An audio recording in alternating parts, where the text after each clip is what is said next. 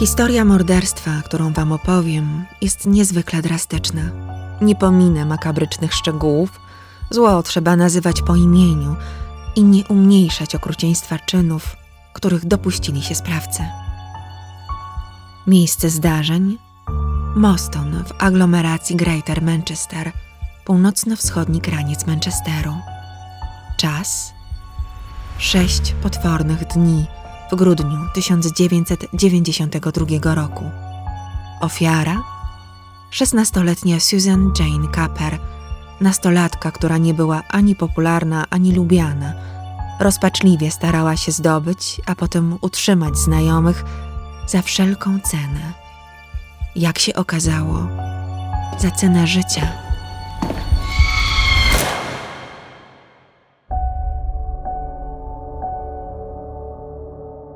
Susan urodziła się 1 września 1976 roku i wraz ze starszą siostrą Michelle wychowywana była przez matkę Elizabeth Dunbar i ojczyma Johna Capera.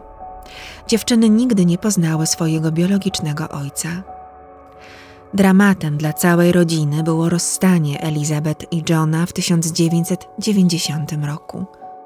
Od tamtej pory dorastające nastolatki dzieliły swoje życie między matkę, ojczyma, przyjaciół rodziny, a nawet trafiały pod opiekę pomocy społecznej.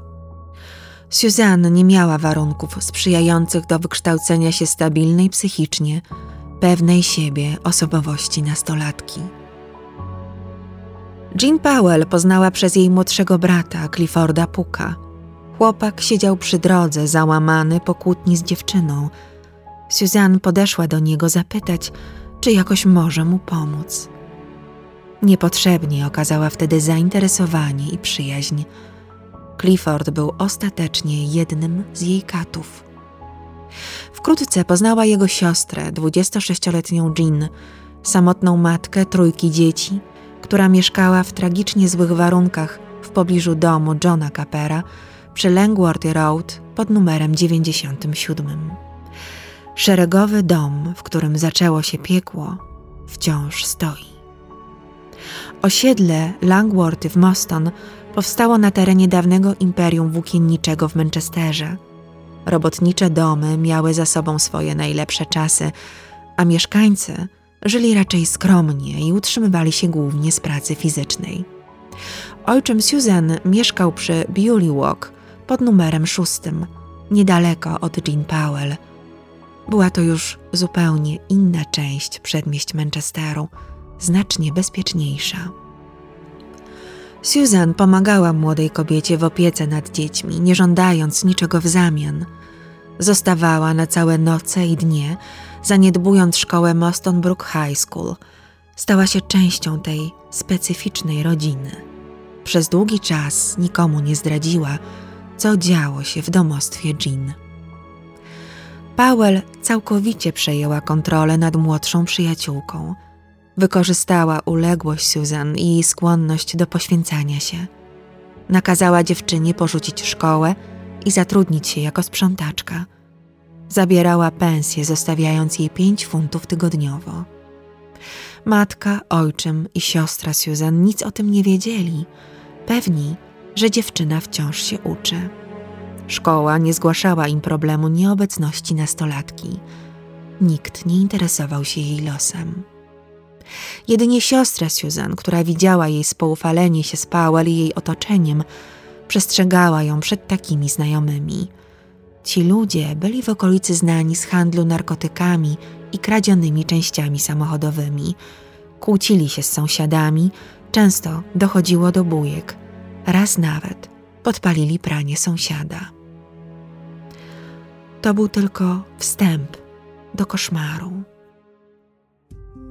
Sytuacja uległa znacznemu pogorszeniu, gdy 24-letnia Bernadette McNeely zamieszkała u Jean. Jedna była warta drugiej.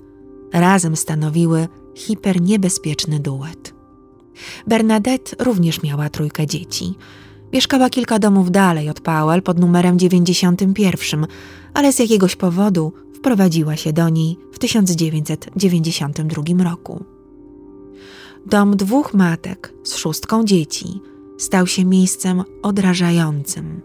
Narkotyki, przygodny seks i nieustające imprezy. Tak wyglądała codzienność przy Langworthy Road numer 97. Jean i Bernadette były dealerkami. W kuchni przygotowywały działki amfetaminy, sprzedawały je w salonie. Uprawiały seks z wieloma mężczyznami, którzy przewijali się przez ich mieszkanie. Szesnastoletni Anthony Dodson, kolejna osoba dramatu, był kochankiem obydwu. Sypiał też Susan.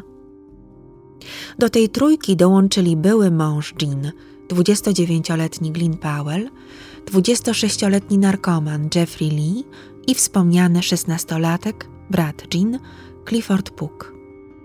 Cała szóstka doprowadziła Susan do śmierci. Pod koniec listopada 1992 roku na kolejnej domowej imprezie pojawił się Mohamed Yusuf. Podobno Susan zachęcała Jean do spędzenia z nim nocy. Powell o skłonnościach rasistowskich bardzo nie podobał się ten pomysł. Narastała w niej niechęć do przyjaciółki. Niechęć, która przerodziła się w przemoc. Susan żaliła się sąsiadom, że Jean związała ją i unieruchomioną trzymała przez cztery dni. Nikt nie uwierzył jej słowom, za to jej skargi dotarły do Jean. Oczywiście wpadła we wściekłość. Matka Susan pracowała wtedy w domu opieki w Calderwood, gdzie Susan często ją odwiedzała. Pewnego razu dziewczyna przyszła pobita przez Jean. Nie chciała tego komentować. Na pytania matki odpowiadała wzruszeniem ramion. Prosiła jednak o możliwość zamieszkania z nią. Elizabeth właśnie wprowadziła się tego dnia do nowego mieszkania i potrzebowała kilku tygodni, by zrobić mały remont i przygotować jej pokój. Córka miała wprowadzić się w wigilię. Wracamy do domu przy Langworthy Road 97. Jean, Bernadette, Dodson i Glyn Powell dostali wszyło nowych. Bernadette wskazała, że winowajczynią jest Susan, że to ona przyniosła do domu pasożyty. Ponadto przekonała wszystkich, że nastolatka ukradła jej różową kurtkę budrysówkę. Niby ta Susan, która zrobiłaby wszystko, byleby zdobyć przychylność przyjaciółki, miałaby jej cokolwiek ukraść. 7 grudnia 1992 roku Jean i Bernadette poszły do domu Johna Capera po Susan. Zabrały ją rzekomo na przyjęcie, obiecując, że pojawi się chłopak, który wpadł jej w oko. W domu Jean nie było żadnej imprezy. Na Susan czekali Antony i Glyn, którzy ją złapali i obezwładnili. W kuchni, nabuzowani amfetaminą, Bernadette, Jean, Glyn i Antony ogolili jej głowę i brwi. Podczas gdy sprzątała własne włosy, kopali ją, bili pasami, dusili za pomocą plastikowej torby. W łazience zmusili ją do ogolenia włosów łonowych na ich oczach i posprzątania po sobie. Obie kobiety aktywnie uczestniczyły w znęcaniu się nad nastolatką. Na noc oprawcy zamknęli ją w szafie na parterze. Jej krzyki i płacz słyszały dzieci dwóch kobiet. Rankiem przeniesiono ją do innej szafy na piętrze, jednak żeby dzieci nie zrobiły afery, zabrali Susan do byłego domu Bernadette przy Langworthy Road 91. Przywiązali ją do drewnianej ramy odwróconego łóżka sznurkami, linkami, taśmą elektryczną, pasami i łańcuchem. Bernadette bredziła, że jest laleczką czaki i przychodzi zabawiać się z ofiarą. Po kolejnej dawce amfetaminy dwie kobiety i dwaj mężczyźni rozpoczęli tortury. Do ust Susan wypchnęli skarpetki, by powstrzymać ją od krzyku. Do makabrycznej zabawy dołączyli szesnastoletni Clifford Puck i Jeffrey Lee. Gdy zjawili się w przedostatni dzień życia Susan, zobaczyli dziewczynę z zawiązanymi oczami i zakneblowaną, przywiązaną do łóżka. Leżała we własnym moczu i kale. Wymyli ją w stężonych środkach dezynfekujących, które wręcz paliły skórę. Wyszorowali sztywną szczotką, rozdrapując rany. Przypalali ją papierosami. Kilka godzin przed śmiercią Bernadette wstrzyknęła Susan amfetaminę, założyła jej słuchawki na uszy i puściła muzykę rave na cały regulator. Bezbronnej dziewczynie Puk zsunął knebel i kazał otworzyć usta. Powiedział: Dobra, zamierzam wyrwać jej zęby. Najpierw uderzał obcęgami w jej szczękę, potem wyłamał jej dwa przednie zęby i dalej walił w resztki pozostałe w dziąsłach. Pociągnął głowę Susan do góry, szarpnął i wtedy ostatecznie wyrwał pierwszy ząb z korzeniami. Spojrzał na niego i zaczął się śmiać. Zrobił to samo ponownie i znów się śmiał. Był moment, gdy jeszcze można było ją uratować. Klient dealerek, osiemnastoletni David Hill, słyszał krzyki w pokoju obok. Gdy zapytał, co się dzieje, pokazano mu obezwładnioną Susan. I choć został z nią sam na sam, nic nie zrobił. Prosiła o pomoc. Nie pomógł, choć błagała, by ją rozwiązał. Bał się zemsty ze strony glina i reszty. Wyszedł i nikomu nie zgłosił, co dzieje się w koszmarnym domu. W czasie, gdy przetrzymywano Susan, Jeffrey Lee i Anthony Dodson pomagali narzeczonemu jej siostry przy naprawie samochodu. Był tuż obok. Gdyby tylko wiedział. Później wyrzekał sobie, że nie sprawdził, nie zajrzał. Po pięciu dniach rodzina dziewczyny zgłosiła ją jako osobę zaginioną. Wtedy oprawcy postanowili pozbyć się jej na zawsze. Czy nie zastanawia Was, że nikt nie podjął poszukiwań wcześniej? Rodzina, pomoc społeczna, szkoła. Jak dla mnie do tej zbrodni przyczynili się nie tylko Jean i jej pomocnicy. Susan, ukrytą w bagażniku białego Fiata Pandy skradzionego przez Lee, zawieźli w zalesione okolice Stockport, oddalone od Moston o ponad 20 kilometrów. Bernadette chichotała całą drogę. Gdy dotarli w miejsce, które wydawało im się wystarczająco odludne, wyciągnęli ofiarę z bagażnika. Półnaga Susan została zepchnięta przez Bernadette z nasypu, prosto w gąszcz leśnych jeżyn. Egzekucji dokonali przez podpalenie żywej dziewczyny. Oblali ją benzyną. Glin kilka razy przykładał zapalniczkę do jej ciała bezskutecznie. Dopiero gdy przyłożył ją do nagich pleców, skóra zapaliła się. Popatrzyli na płonącą, żywą Susan i uznali, że umiera. Jean Powell powiedziała podczas procesu: Widziałam błysk Odwróciłam się, spojrzałam i zobaczyłam Susan w płomieniach. Krzyczała. Oniemiałam, byłam przerażona. Ciężko uwierzyć w jej emocje i szczerość wyznania. Była piąta rano 15 grudnia. Jean, Bernadette, Glynn i Dodson wracali do domu śpiewając Burn, baby, burn. Po drodze zatrzymali się, żeby kupić napoje w puszkach i wrócili do swoich domów. Podpalona Susan resztkami sił przedarła się 400 metrów i dotarła do najbliższej jezdni przy Comstal Road w Romley. Tam zauważyli ją trzej mężczyźni spieszący do pracy. Była godzina 6.10. Zabrali ją do pobliskiego domu, obudzili mieszkańców państwa Kup i wezwali wspólnie karetkę. Kup wspominał później, że ręce dziewczyny wyglądały jak popiół – Dłonie były czerwone, czarne na końcach palców, nogi jak surowe mięso, stopy niemal zwęglone. I dziewczyna wciąż żyła i dziękowała wybawcom. Pani domu z rozbiegu próbowała ją przytulić, jednak poparzona Susan nie mogła znieść dotyku. Wypiła sześć szklanek wody z pomocą innych. Szpitalu zapadła w śpiączkę farmakologiczną – Miała poparzone ciało w 80%. Została zidentyfikowana na podstawie częściowego odcisku palca z kciuka. Zanim to się stało, opowiedziała policji, kim była i co jej zrobiono, a przede wszystkim wymieniła sześć osób, które znęcały się nad nią, a w końcu próbowały zabić. Matka była w pracy, gdy powiadomiono ją, że Susan została ranna i trafiła do szpitala. Miała sama nie przychodzić do niej. Policja przywiozła ją do córki zakrytej bandażami. Miała odsłoniętą tylko twarz. Twarz nie do rozpoznania. Rysy strawił ogień. Susan Kaper zmarła 18 grudnia, po trzech dniach przebywania w śpiączce. Nie odzyskała przytomności. Została pochowana na lokalnym cmentarzu Blackley w Moston 18 stycznia 1993 roku. Śledztwo prowadził detektyw inspektor Peter Wall.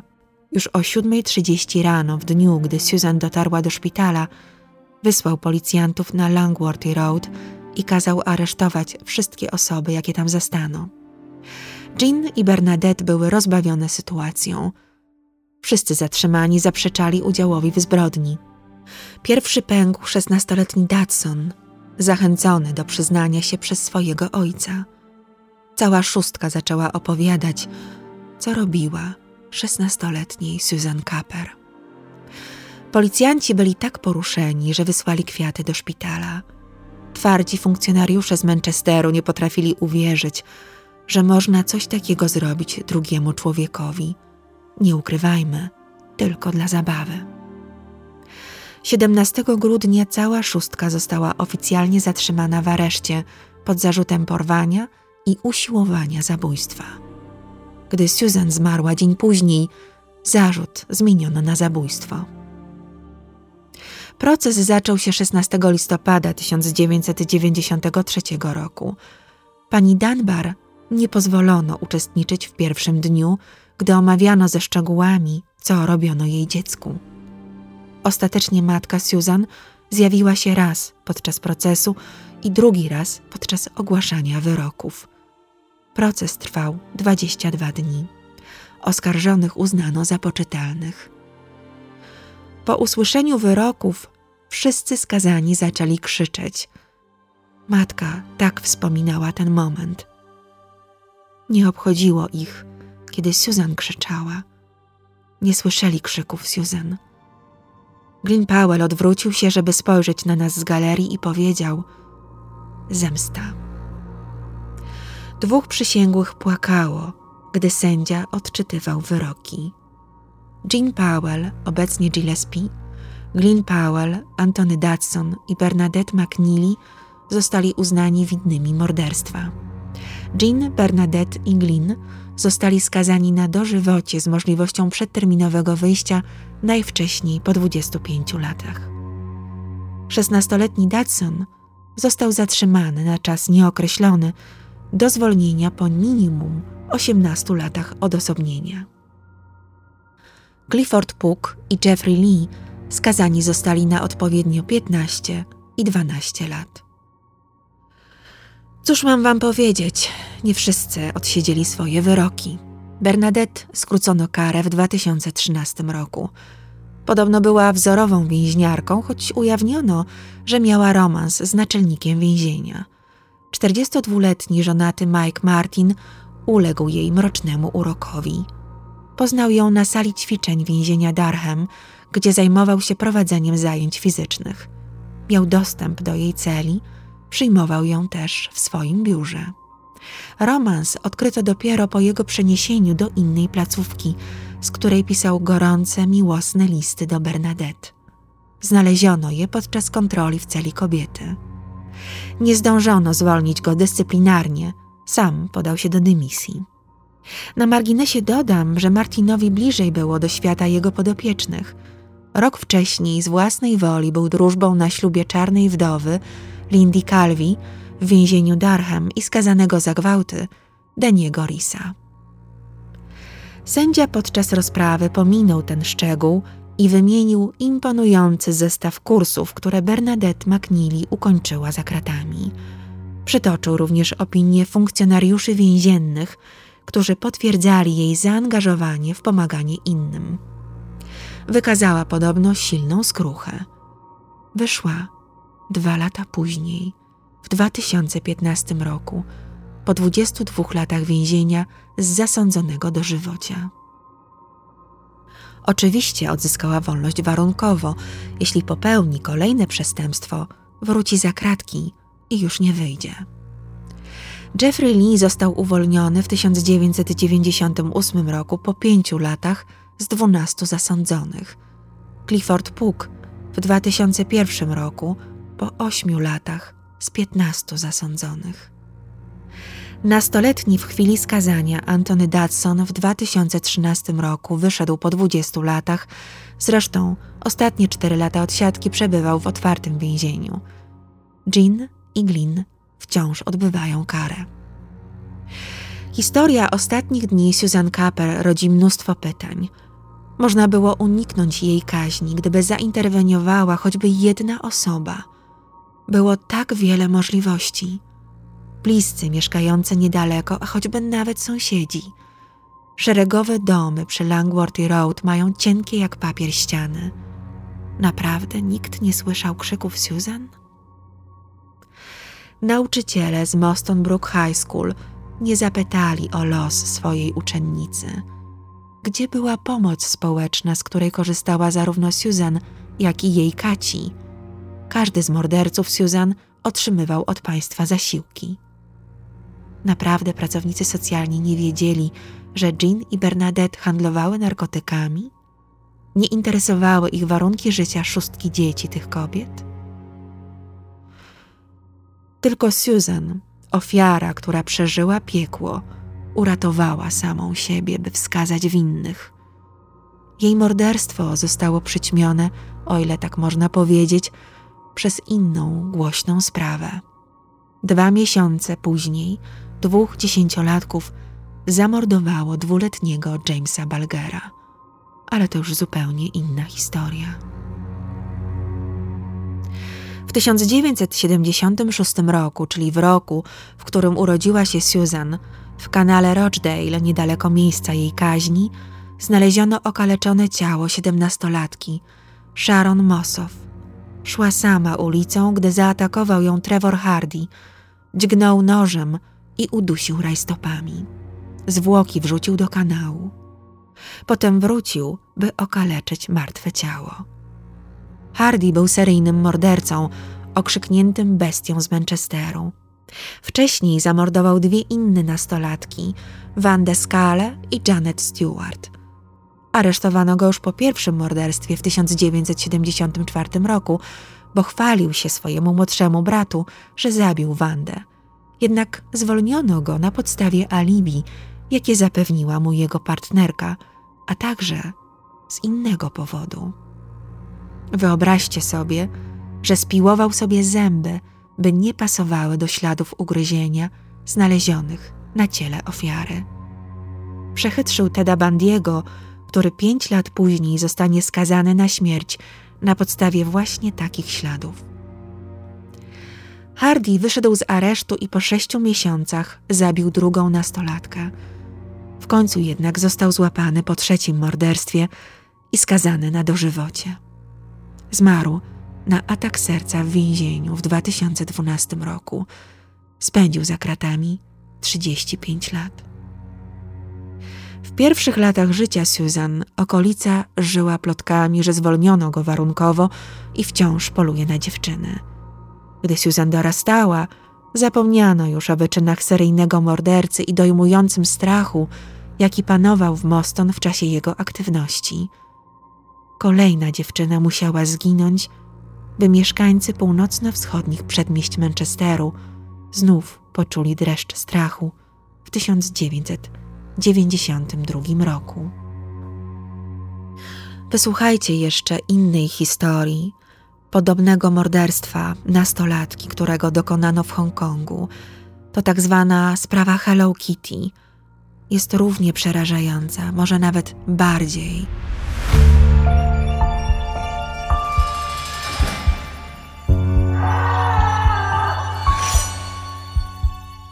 Do usłyszenia.